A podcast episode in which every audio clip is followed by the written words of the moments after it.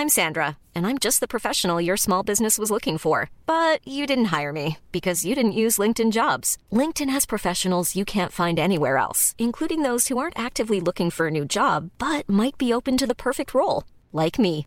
In a given month, over 70% of LinkedIn users don't visit other leading job sites. So if you're not looking on LinkedIn, you'll miss out on great candidates like Sandra. Start hiring professionals like a professional. Post your free job on linkedin.com/people today.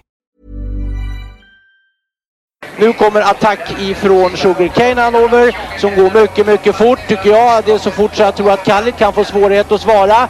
Sugarcane Hanover vänder ut och in på fältet. Startbilen är i rörelse till Svenskt travderby 1987. What the horse, what the driver, nummer ett McLobel och John D. Campbell. Maharaja la Suède, Maharaja s'est retrouvé, le retour, le comeback de Maharaja le 17 på mina tillfällen. Jag trodde att det var en av de bästa hästar jag hade tränat för det på olika vis. Jag behöver inte misstolka det längre för att det här är den bästa häst jag har kört och tränat någon gång. Me gusta, me gusta, me gusta! Un classico, no problem! Barenne, facile, alla! En smula försenade kallar vi in till ett nytt avsnitt av Trottosports podcast. Lite mitt fel här. Jag har eh, drabbats av eh, dödsfall i familjen så att eh, därför så fick vi skjuta på det helt enkelt. Min mamma har gått bort. Och jag tänkte precis som du Magnus för något år sedan att det snarare skulle pigga upp och ha den här stunden mer. Så eh, det känns bra tycker jag. Är det bra med er? Ja, Ja, det är kallt. Här i Blekinge har det kommit säkert 20-30 centimeter snö här på förmiddagen. Oj. Det är ovanligt för att vara Blekinge. Så jag har varit eh, grävt upp och begravt en gammal eh, hästskribent, kollega Lars-Erik Sjöman. Okej. Så att eh, hemresan därifrån gick bra. Alltså det är ju så underbart när det är snö för det blir mycket ljusare att köra bil.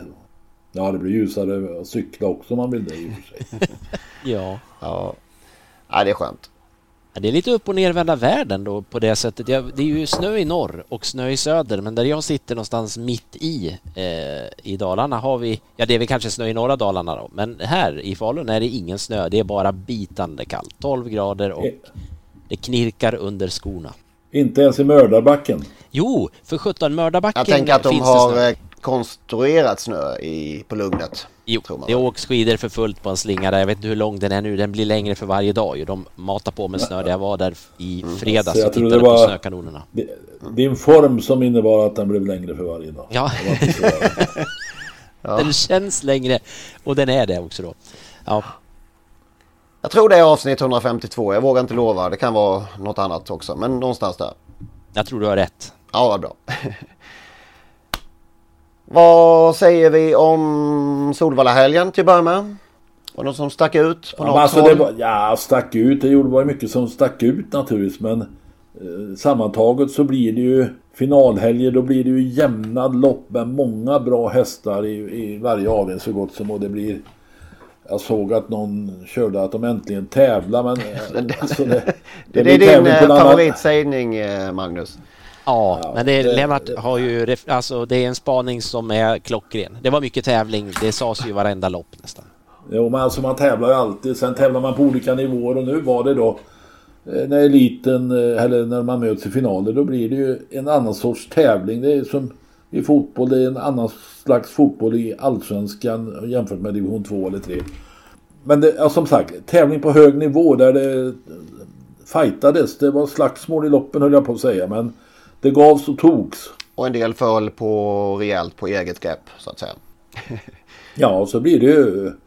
Man överskattar ju möjligen sin egen förmåga och även hästars. Men så den här duellen där mellan Admiral As och Imoy. Tror Ja. han heter. Fantastiskt. Den eh, var ju läcker. Man trodde in i det sista att Fleming skulle hålla undan. Alltså hade den där jäkla Örjan. Han hade någon ytterligare växel där 50 meter kvar och ryckte någonting i ett snöre där. Ja, det var ju så fascinerande. Han har alltid en kvar. Ja, han är ju oerhörd att köra på växellåda tänkte jag på. Han har en växel och väntar in i det sista med att byta till nästa. Va? Han är så iskall. Men där var det, man såg ju på Admiral As att han blev ju lite konfunderad för i det här lilla momentet när Örjan ska lägga i sista växeln, då släpper han ju lite kontakten med hästen och då tappade Admiral As lite grann. Han liksom är ju på väg, och sen, men sen får han i den sista växeln Örjan och då får han de där äh, krafterna som behövs för att nypa Flemings. För det kändes ju som att, att Flemming skulle hålla undan där. Men... Ja, så upplevde jag det också. Hur många snöre har Örjan och Rycke? han, har, han har alltid fler än de andra. Ja, det märkliga, eller märkliga, lite unikt eller nästan lite märkligt i alla fall. Det, det är ju att, att Flemming, alltså han var som Johansson sa när han Stig när han var expertkommentator, påställd. Eh, påtänd? Det var han verkligen, påtänd är det han säger. Ja, påtänd. Påtänd ja. Och det kan man ju vara på olika sätt. Men Flemming var verkligen påtänd för att vinna det här loppet. Och det visade sig också efteråt att när han fick då böta för spödrivning och det är nästan aldrig att han gör det. Det var så alltså? Det hade jag missat. Ja. Oj, ja. ja. det är ju sensationellt. Ja, det, och det var faktiskt helt rätt dessutom. För han, så jag tror aldrig jag sett Flemming driva på det viset. Mm. Det var, ja, han, det var en seger som han verkligen ville ha. Och eh, gjorde ju allt han kunde för att få den här segern i körningen och, och Upplovs onödiga, eller lite överdrivna, överdrivna drivning kan man säga så, kanske. Nåväl. Ja, men det var kul eh, att det se. Var, det var en duell. Det var en duell på hög nivå. Ja, och det man kan ju jämföra med hur Flemming gjorde på Örebro där. Var det i slutet på oktober där när han, när han ju... Då var jag ju inne på att han skulle kunna slå Admiral As, men då släppte ju Flemming. Den här gången släppte han ju inte. Han var ju inte jättestort slagen även om han var klart slagen den gången på Örebro. Men det, Flemming hade fått feeling att det, det, det kan nog gå det här. Så att han mm. försökte ju i alla fall och det var ju eh, tacksamt underhållningsmässigt i varje fall. Och sen imponeras jag i alla fall av Bradde Bill, jag vet Magnus tyckte eh, att Jorma försökte sova bort det här loppet. Han litade på att han hade den överlägset bästa hästen och att Million Dollar Rhyme inte är som bäst i ledning. Så att det där loppet var ju klart väldigt, väldigt tidigt även om inte Magnus tror jag, du, du trodde inte det riktigt när de svängde in på upploppet. Ja, jag, jag var nog snarare orolig just tidigt i loppet där när, när Jorma valde att sitta kvar när Örjan kom. Därför att då kände jag lite att där skulle Jorma ha gått först. Men Jorma visste vad han gjorde och Brother Bill är ju, han är ju bra. Ja, men, jag måste, nu måste vi, jag måste bara ställa frågan här nu. Hur känner du Magnus? Är det, är det bekräftelse härligt just nu? Ja, så här. Du som alltid ja, har vurmat för denna Brotherly. Jo, men det, det, är, så är det ju. Nu kan man ju inte säga, det var inte så att jag hittade någon häst nere i, i division 17 i Korpen, utan han hade ju gått bra i skymundan i en väldigt tuff årgång och så. Men att det kändes som det fanns någonting extra kvar där. Han är ju inte så mycket sämre än de bästa i sin kull ändå. Och då är man ju ganska bra när man har Don Fanucci och Eitos Kronos i samma kull. Eh, men eh, det är klart. Sen är det väl skönt också att få en bekräftelse att man fattar någonting för rätt så ofta tycker jag får bekräftelse på motsatsen också. Ja, man behöver, man behöver ha det ibland faktiskt. Det... Ja. Man ska honorera dig för det att du har varit eh, stått upp för din egen tro. Du, alltså travspelare, man ger ju upp efter ett par misslyckanden. Att, nej, nu, nu tar vi bort den här kraken, nu struntar vi i den. Men du har ju verkligen stått på dig vecka ut och vecka in. Ja, man kan undra ibland, men som sagt om det är värt det. Jo, nej, men det är ju kul. Jag, jag, det är roligt också för ägaren där ju, som har sin historia. Det är ju att få uppleva en sån här sak med en sån här häst, det är ju fint ändå. Mm. Så att, eh, ja. ja. det var ju häftigt. Och sen en annan häst där, eh, om vi tar den kort i alla fall, så är det ju Unique Juni då, som jag ju också tjatat lite om här nu på slutet. Eh, var ju kul att den fick vinna också. Ja men vilken uh, jackpot eller vilken, uh, vilka vinnare vi bjöd på. Ni, ska jag säga. Ja, bjöd, bjöd, ja. ja det... Ska du inte vara ödmjuk här? Norrmannen där var ju läcker. Ja, mm. den hade, den, det kan man säga att där, ditt uttryck där att den var, jag kommer inte ihåg exakt vad du sa, men att den var bortglömd, borttappad. Det var, ju, det var den ju verkligen och det blev ju verkligen det. Det var ju otroligt vad, vad lite sträckad han blev till slut ändå. Med tanke på hur, hur ja. klar han var enligt dig. Ja, ja men det, de, alltså jag förstår inte riktigt det där hur, hur folk tänkte. Det, det, loppet i Örebro där kusken gjorde precis allt han kunde för att förlora loppet och vann ändå. Nu, nu gjorde han allt han kunde för att vinna loppet och då vann han ja, ganska lätt. Sen var det ett, ett lopp eh, där eh, det hände något med banan just under det loppet för de eh, galopperade ut till höger och vänster. Fyra, fem hästar. Ja, det blev ju precis. Det hände ju något med banan kanske redan i avdelning 5 där eh, Algot Sanet fick ju inte alls då stämma till slut. Han såg ut som en, en retad tiger hela loppet invändigt och sen när Wäjersten tog ut honom på upploppet så såg det ju inte ut som att han fick fäste i banan. Han gick ju, var en av de här som gick barfota. Han fick ju liksom inte upp farten utan benen, han felade ju helt enkelt då. Och sen blev det ju väldigt mycket galopper i de sista två loppen och Timo Normos var ju intervjuad tidigt på dagen där, eller innan V75 började och han han spådde ju det att, att, eh, mot kväll, att banan, alla sa ju att banan är så bra idag jämfört med hur den hade varit då på fredagen där. Men han sa det att då var det kväll och eh, nu när det, blir, när det blir kväll även idag så trodde han att det skulle bli förändrat och det blev det ju också. De här senare loppen blev ju, var ju väldigt mycket galopper. Om man nu ska prata om det läckraste under hela veckan så var det ändå dubbelfinalen i bordtennis-VM i måndags kväll. Och framförallt Jan-Ove Wallners insats som expertkommentator. Alltså det var man blir så glad att se en fin bordtennismatch men också den här Gio alltså en sånt geni han är på många sätt. Detta har ja. de här under dagarna som varit gått mig helt förbi. Men nu är alltså tillbaka i världseliten i bordtennis. Ja, man vinner VM-guld i dubbel och, och VM-silver i singel, en 19-årig pojk där. Mm. Så är, är, det ju faktiskt så då. Mm. Och, och att, att Gio gör comeback, eller bara få lyssna på honom. Det är ju en gammal travspelare dessutom som ja. eh, har skyfflat in en och annan check i, i kassorna. Apropå full körning här då i lördag så eh, en som inte kanske var så nöjd i efterhand med sin, sin, eh, sin insats så var det Erik, Erik Adielsson där bakom Parker. Den tyckte jag var eh, en av de sämre på länge av Erik. Man var så besatt, ja. besatt av att svara just en enstaka konkurrent för att hinna först. Under så pass tuffa omständigheter. Det var... Ja. Det, det betal... En annan sak från helgen är ju, och det har vi pratat om. Det är alltså det här med att anmäla hästar och starta hästar och sikta på lopp och sådär vidare. Det, det är en konst också. Men ofta blir det en start för mycket. Eller det händer i alla fall då och då att det blir en start för mycket. Där måste vi ändå skryta lite för det var vi inne på. Ja, vad skulle han dit och göra? Ja, Jonas Prins är den vi pratar om. Det blev en start för mycket naturligtvis. Det var ju onödigt. Sen skyllde Per Nordström på banan efteråt. Det, det fanns säkert skäl till det men eh, det är ju bara att inse man kan... Eh, jag borde stått över det här. Mm. Ja. Han var ju i samma situation Daniel Wäjersten dagen efter när hans goner galopperade. Och, och visst, han kunde skylla på banan om han ville men det gjorde han inte. Han tog på sig det själv. Det är jag som är tränare, det är jag som har ansvar för att min häst ska fungera på just den här banan.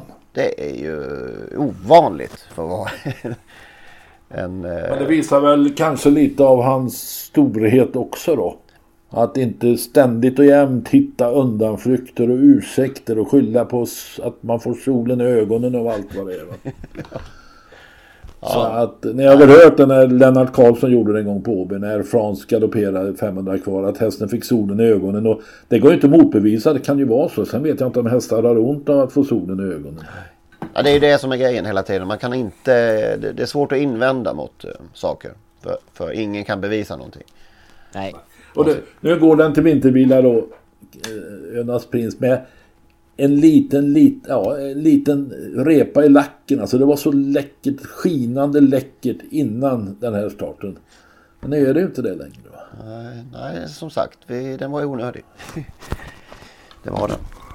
Men eh, det gjorde ju å andra sidan att vi fick ett vackert, eh, det vackraste avslutet som gick att få för eh, en viss Hans-Ove Sundberg. Så det var ju ja men herre yes, yes, Det var ju tacksamt på det sättet då. Ja, det blev ju så bra allting. Och, och denne Hans-Ove som vann sitt första storlopp för 51 år sedan där i Jarlsbergs Grand Prix med Royal Scott. Nu får avsluta sin karriär med att vinna Solvalla Grand Prix. Mm. Som ju är ett storlopp även om man försöker gömma det mörka kvällar inför noll publik ungefär. så var det ju så läckert, läckert, läckert. Ja. Hans-Ove är ju han är en favorit hos många.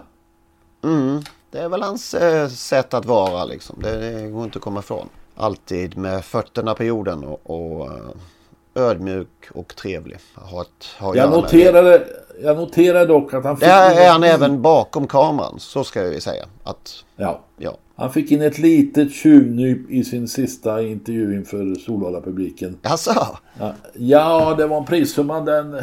Han tyckte det har ju varit högre prissumma tidigare Solvalla Grand Prix. ja visst har det det. Det har ju varit uppe på en halv miljon. Ja, och det var väl han lite småsur över då. Mm. Och kanske också att eh, det låg där det låg. Möjligen, eller? Ja, det sa han inget om. men Det, det, det borde jag ju tyckt som alla vi andra. Och Nej men nu vill vi ha nästa år vill vi ha det på eh, en lördag bara. Det är inte mer med det. Fixa. Selected News är- ägs ju dessutom av en av de längsta, äldsta eh, hästägarna som finns i stall Mälarturf har ju varit med oerhört länge. Så att eh, det var ju eh, veteranernas afton. Verkligen. Även om, även om kusken är en yngling. Ja. Nej, men det är kul också just det med Selected News som vi, vi har ju pratat mycket om Selected News och började ju här i slutet på sommaren eller vi nu var liksom det där att han är kanske inte så bra som vi trodde och men, men just att han så han har, han har inte haft något flyt med Selected News i de stora loppen eller någonting. Och då blev det ju ännu mer, alltså det var många grejer som landade rätt just den här kvällen med Selected News. Det blev ju bra när Jari Åkerfeldt där gjorde en monsterattack på sista långsidan. Mm. Med Zeolit hette den så. Som såg ut som en vinnare länge och gjorde ett, som jag tror, sitt bästa lopp hittills i karriären. Även om han stumnade till slut och blev tre. Ja, det får man ju säga. Men Selected News tillhör ju inte Brother Bill-skaran. För Selected News har vi ju gett upp lite på. Brother Bill ger du ju aldrig upp på. Nej, det är det som, men nu får man ju... eh, Den som eh, höll i på Selected News hade ju en klang och jubel då, både på dubbeln och på V64 där. Men Ja, 3 det- procent bara, det måste ju vara rena drömmen. Alltså det, många har ju hängt i, hängt i, hängt i på Selected News. Och nu kanske de hade gett upp då. Ja. Alltså var ju, samtidigt var ju Jonas Prins då, som Nisse Stad brukar säga, bött favorit. 11 för 10 alltså. Och eh, Ja, 150 procent på V7, V64. då. ja. Ja. Var det något annat från veckan som, ni, som vi ska... Ja, Jag, jag tänker bara just avrunda Hans-Ove. Jag hörde en intervju med honom i, eh, det måste väl varit i lördagens tv-sändning, direktsändning, V75 Direkt heter väl programmet där och där han, det var en mening som fastnade bara just det här att nu, när de, de ska inte ha någon häst kvar, nu avvecklar de totalt. Så då får jag, ja, nu kommer jag inte ihåg orden, han, sa, men just att han och hans fru, nu får vi tid att fundera över allt vi har gjort Ja. åstadkommit. Alltså den här summeringen på ett sånt skönt sätt att nu är det liksom färdigt med hästar. Nu ska vi titta bakåt och se, ja, minnas det och sen naturligtvis göra andra saker. Men det, när man tänker det, vilken otrolig, en av alla dessa travtränare som håller på ett, ett helt liv eh, och sen så får kröna det dessutom som det blev för Hans-Ove nu. Det, det, jag brukar inte tycka om att man säger att någon är värd någonting för människor får det, det blir som det blir. Va? Men jag unnar ju Hans-Ove Sundberg precis allting det som hände där på fredagskvällen för det jag känner honom inte men, men har, har inte pratat med honom heller tror jag men, men jag har alltid gillat honom så mycket.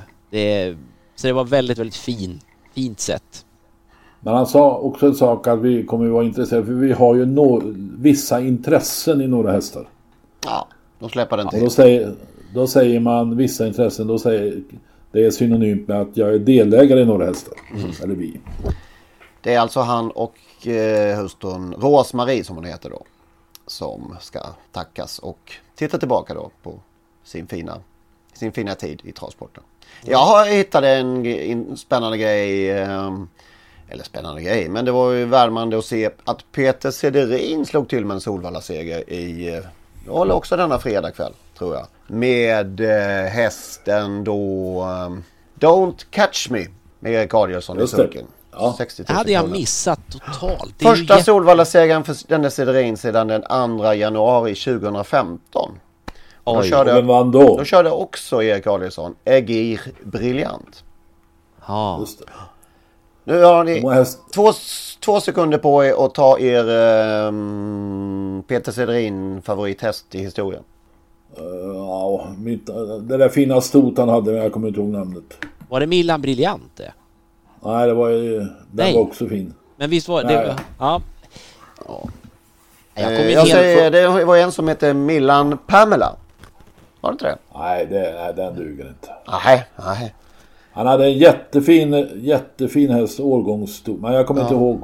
Nej, dåligt Cederin kom alltid med hästar som var vältränade och blanka och fina i pälsen. Mm. Alltid, mm, ja det var, man var nyfiken på hans hästar på Solvalla på 90-talet, så kan man säga. Hur många tränar han idag? Fyra tror jag det. Så det är, och då den här, har börjat väldigt fint det här treårsstoet då tror jag det är, Don't Catch Me. Efter? Inget svar på den frågan. Nej. Jag hade inte väntat med den frågan som... Nej, nej. Sagt. Han äger den säkert själv. Eh, så kan det vara. Nej, det var kul i alla fall tyckte jag.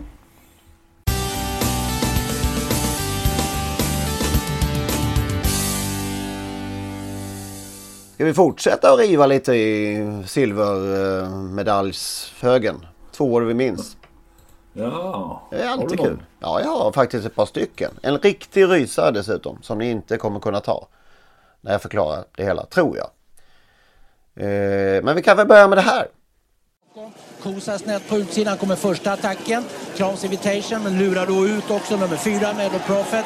Det är hela fältet, väl samlat. Det kommer att gå fort över det här upploppet. Oj vad Olle Goop sitter och letar lucka. Han kan, kommer aldrig att få chansen för Kosa är så pass stark. Så att han kan, ja, kanske Kosa lägger ner rörelsen och Nordinanove kan få chansen. Han får chansen där och han kan blixtra till. Han kommer närmare, närmare, närmare. Sika fortfarande. Nordinanove, den sista Desperatis. Sen så kan han gå fram, men det gör han inte. Det är nummer två, Sika som vinner loppet. Men det var inte långt ifrån att den där, hade luckan kommit 15-20 meter tidigare. Ja, då tror jag Nordinanove hade grejat det.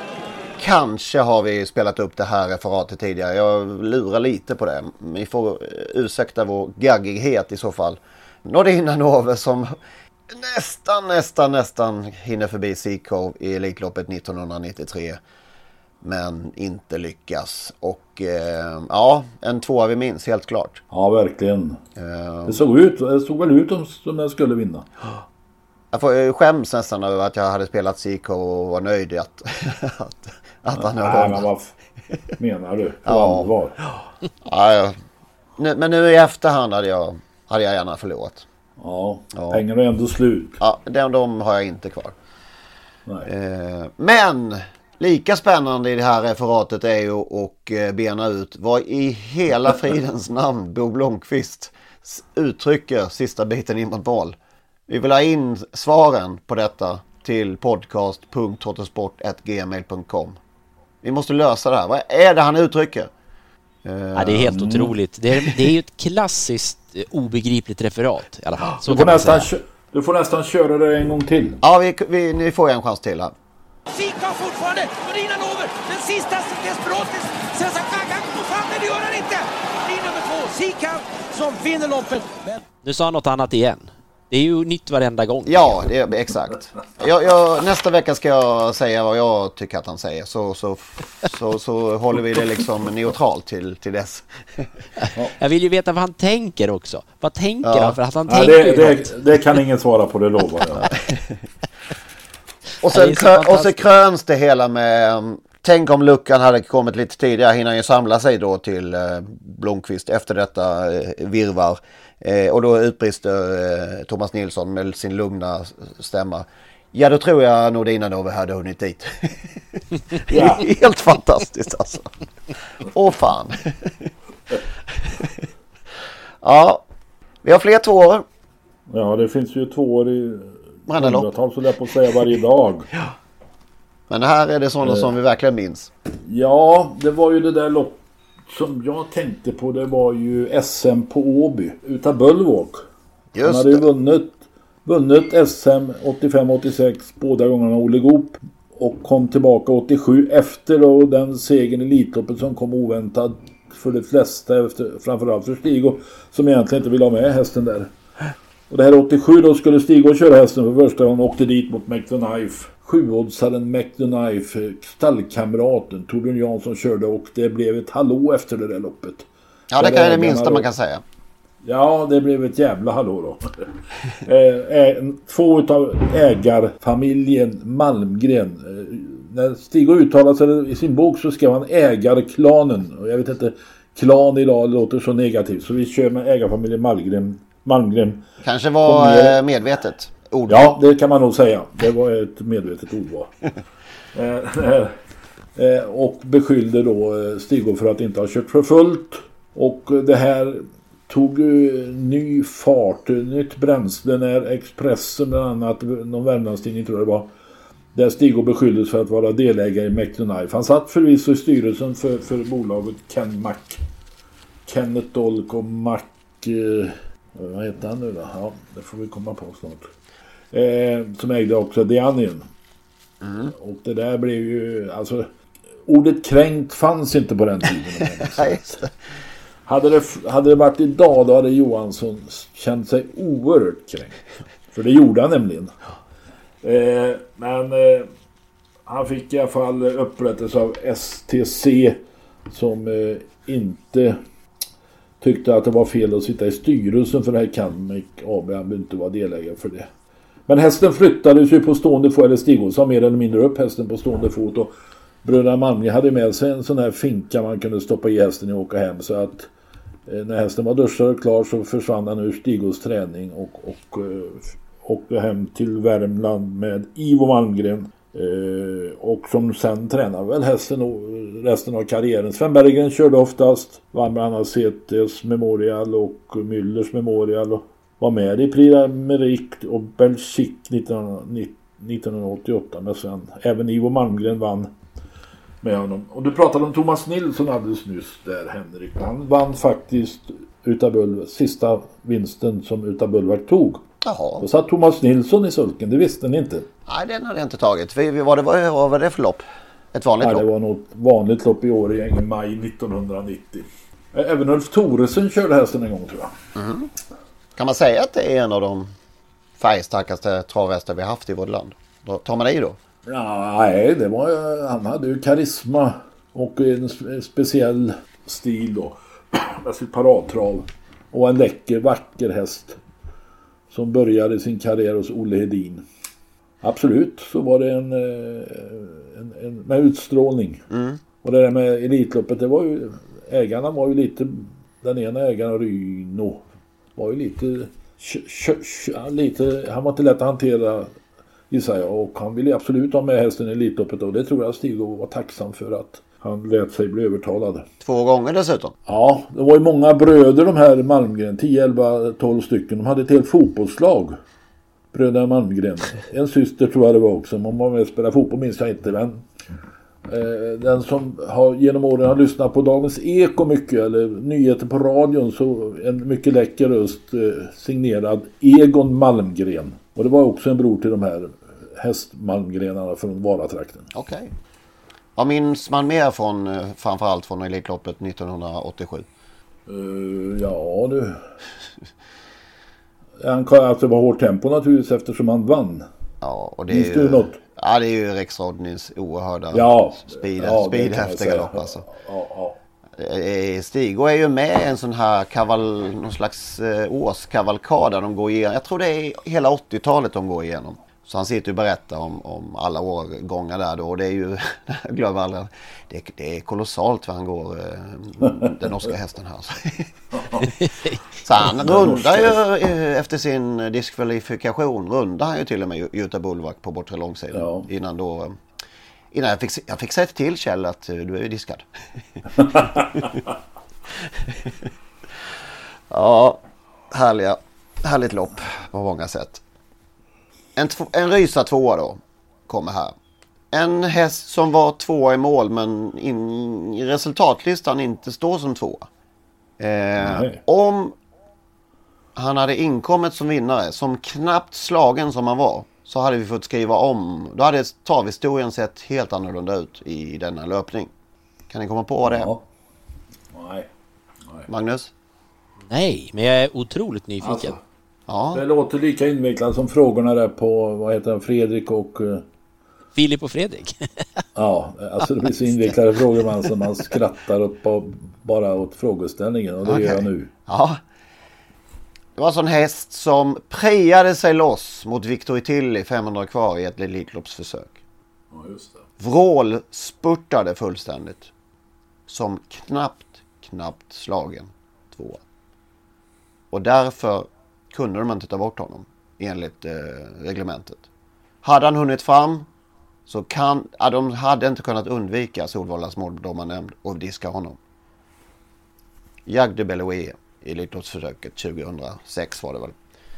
Ja, det var en tackling där. Kommer du inte ihåg detta? Ni kommer väl ihåg det? Jo. Alltså det är den, bland de brutalaste tacklingarna man har liksom skådat i... Åh, nej, åh, nej. Men, I, ja, men i sånt äh, läge liksom. Ja, okej. Okay. Eh, de hade inte kunnat och då hade vi haft eh, kanske en regelrätt eh, Elitloppsvinnare som eh, ska ha mållinjen först 2006 om detta hade skett. Mm. Tyckte den var lite kul, tvåa. Ja. Får jag godkänt? ja, ju, absolut. Ja, men det är, ju, man ser, det är ju... Ja, det är inte... Vad brukar man säga? Det är små marginaler i... Och sen kan man ta vilken sport som helst. Nu kan vi säga att det är små marginaler i travsport då. Ja, just det. Ja, det, jag tror han var förbi en meter efter mål faktiskt. Så att, eh, ja, då hade det sett mycket annorlunda ut. Och då kunde man inte diska för han blev tvåa? Ja. Han har kommit etta så hade de säkert diskat det tror jag. Hopp. Ja.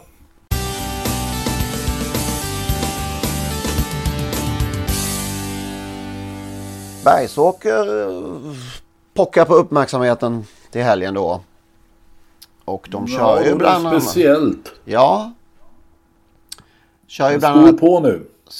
Kör ju bland annat minneslopp till den här härliga hästen. Känsligt läge just nu när han vet att han har fyra Jazzi Brodda i ryggen med krafter kvar. Ute i spåren försöker flera hästar, är på gång. Sex Lovely Thing längre ut också, fem Jacqueline B. Upploppsklockan ringer, Robert Bergkust, tittar sig omkring, har kontroll på det just nu. Här kommer de ut i motvinden. Eh, Bolita Dulin, Candelia nummer ett och tre letar efter luckor. Eh, Hilda Sonett, eh, Kullens drottning, glider undan där framme och kommer och fixar det. Candelia får luckan sent, sprintar undan sista biten men eh, två Hilda Sonett, kulldrottningen bland treåringarna har gjort hon i mål där. Hon vinner en välförtjänt seger 1.18 sista varvet. Det där var lätt och det är jubel i regnet här på Bergsåker för hemmafavorit. Åtta equalizer. Ett set ball är utvändigt. Det handlar om åtta equalizer. Det handlar om ett set ball.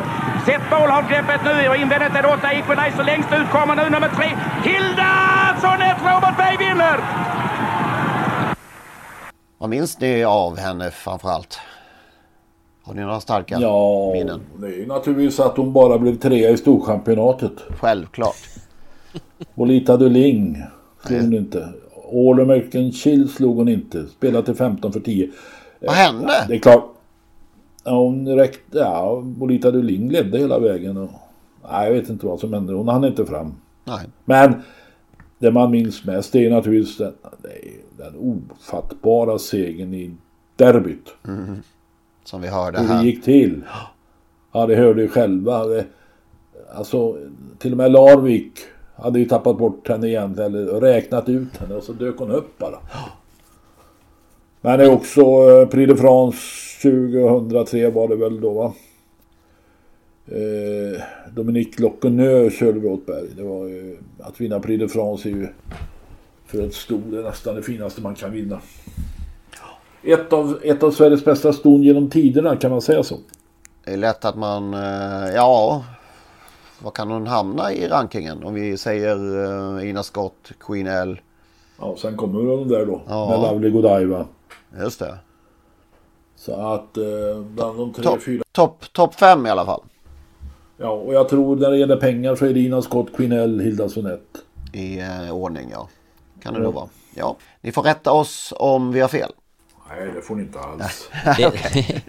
man kan just att hon var ju, hon hade ju sån eh, karisma också. Hon är ju svår att glömma på, på det sättet. Jag minns när, när hon vann eh, drottningens där, då sprang jag, det känns som att jag har berättat det förut, men har jag inte gjort det så jag just att var ju nära, nära banan hela tiden i och med att jag plåtade den kvällen och eh, det var ju en speciell häst, Hilda Sonett, så, så var det ju. Hon, man såg ju när hon kom.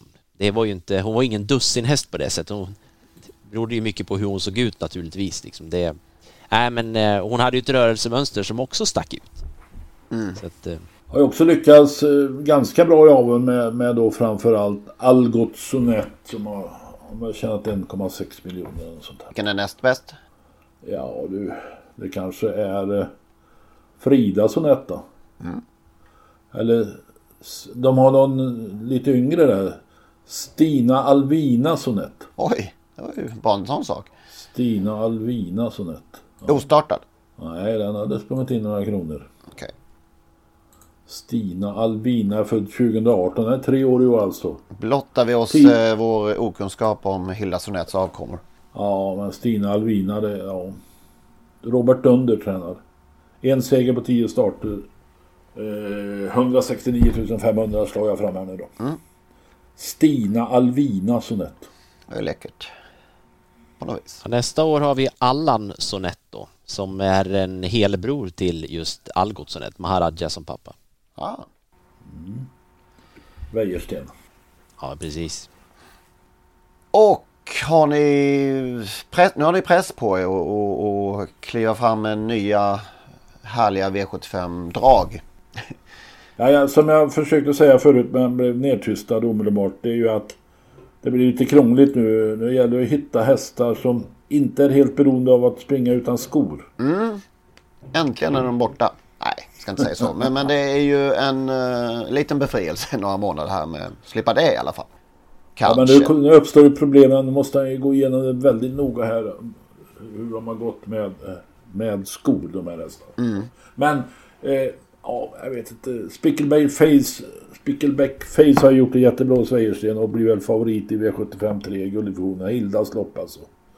Men jag, alltså jag vill absolut ha med Selmer IH. Även om han fick stryk rejält senast de möttes. Men nej, jag gillar Selmer IH. Har framspår 2-6. Passar bra. Ja, jag tror på Selmer IH. Mm. Är det helt omöjligt med on-tracken? Ja, visst, ja, det finns ju de som tror på det. Att det ska kunna vinna det här loppet från innerspår. Ja. Helt omöjligt. Helt omöjligt är det kanske inte va? Ska han helst eh, gå på rulle då eller? Om Ja, om boxeras. Om det ska Boxeras. lyckas. Ja. Han har i alla fall tävlat med skor, eh, utan skor menar jag. eh, Med De skor. flesta starter på slut. Med skor, ja, med skor. Så han... eh, Han får vinnarhålet och en liten trudelutt till slut så de kanske är trötta de här. Det är ju inte det. Nej, det Kanske det inte. en av de sämre till och med.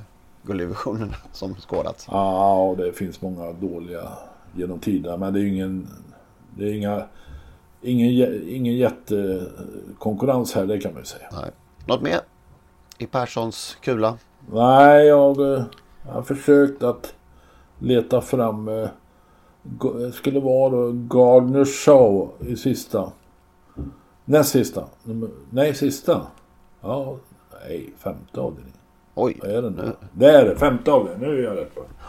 Men Mats Djuse den här gången. eh, Sport 2 och möter väl i och för sig någon Algot Sonett där. Men ja, Liten varning. ja stor varning. Stor varning. Stor varning. Ingen i kallblodsloppet?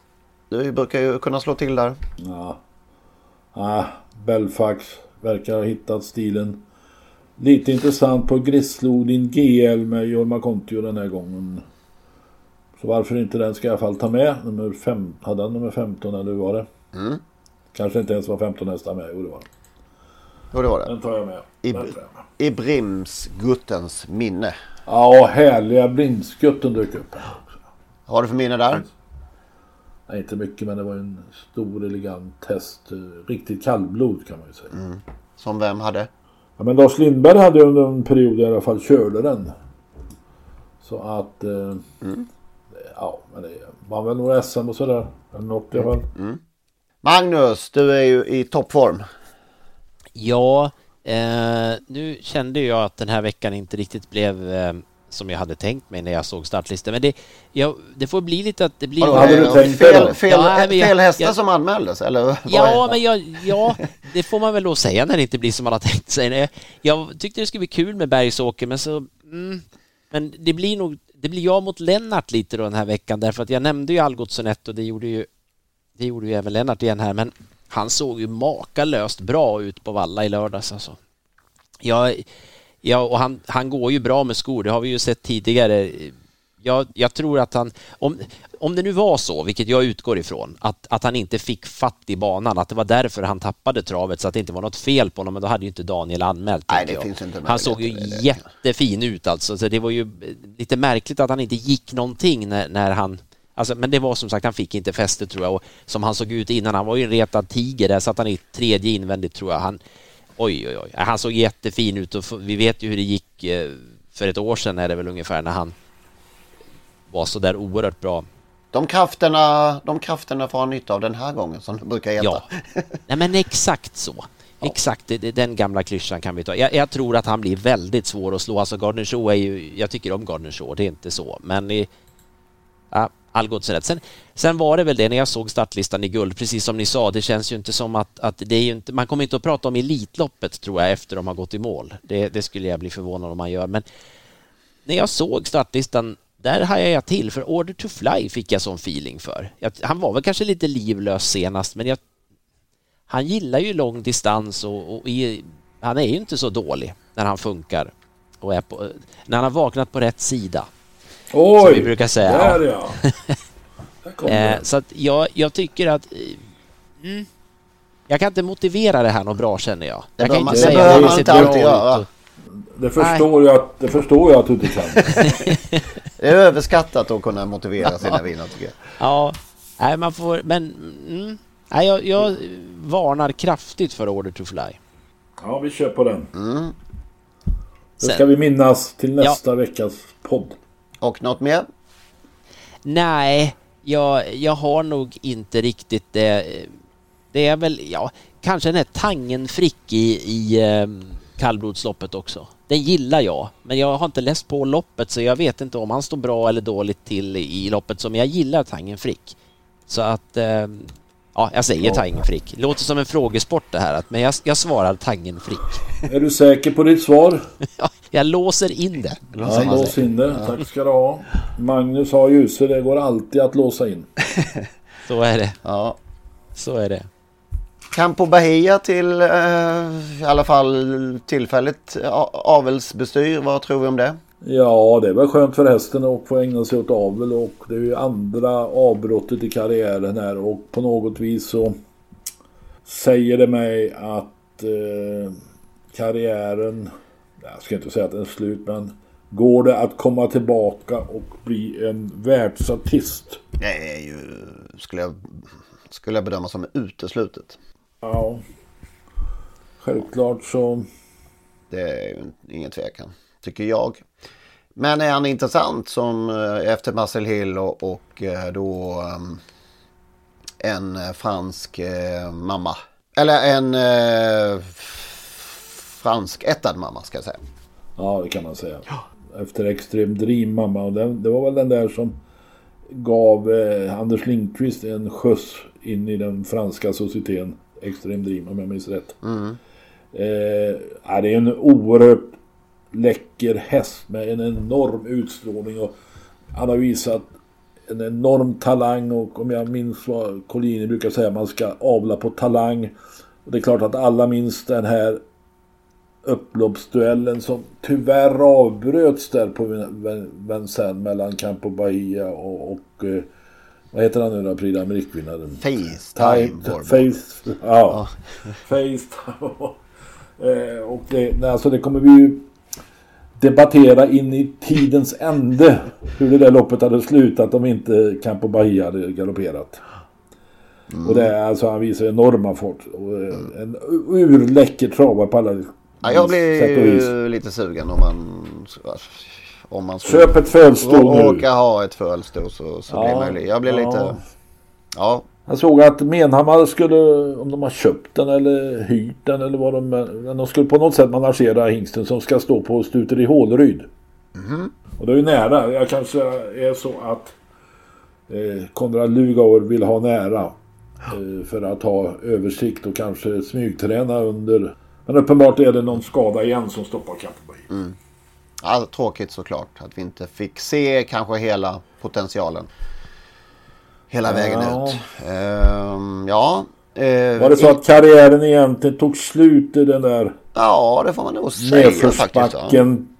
Det var på kolstybben va? Det var på stubben det tog. Det tog. Ah, han passade inte där. Va? Det, det kunde ni ha frågat mig. ja.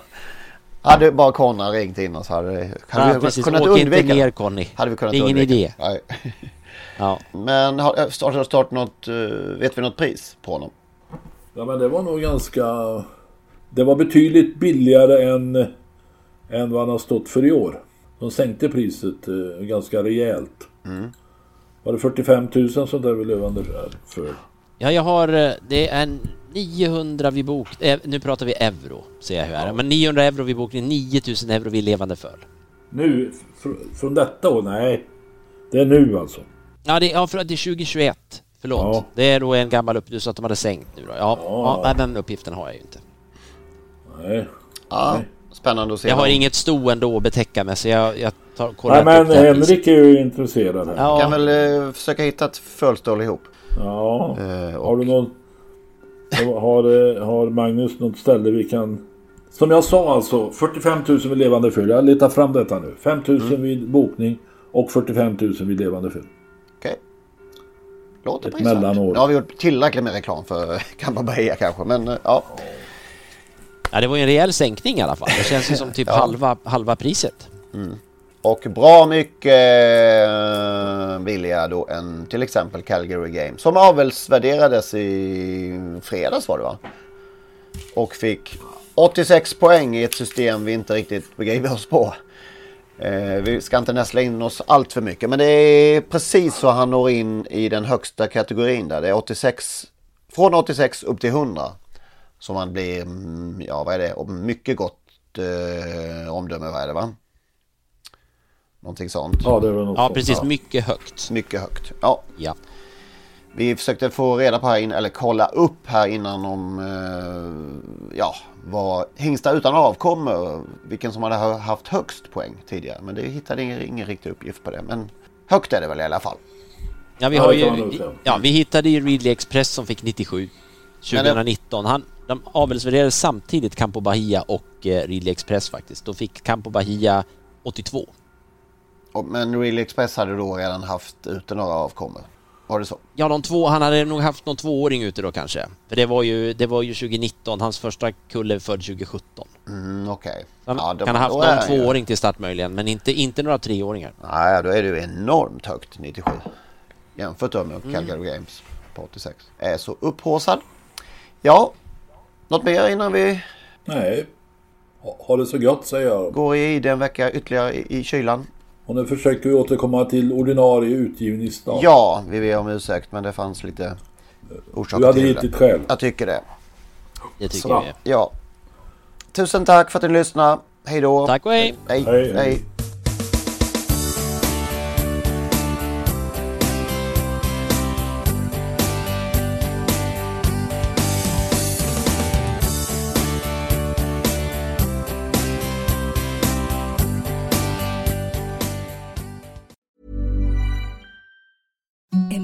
the softest sheets you've ever felt. Now imagine them getting even softer over time. That's what you'll feel with Bowl and Branch's organic cotton sheets. In a recent customer survey, 96% replied that Bowl and Branch sheets get softer with every wash. Start getting your best night's sleep in these sheets that get softer and softer for years to come. Try their sheets with a 30-night guarantee. Plus, get 15% off your first order at bowlandbranch.com. Code BUTTERY. Exclusions apply. See site for details.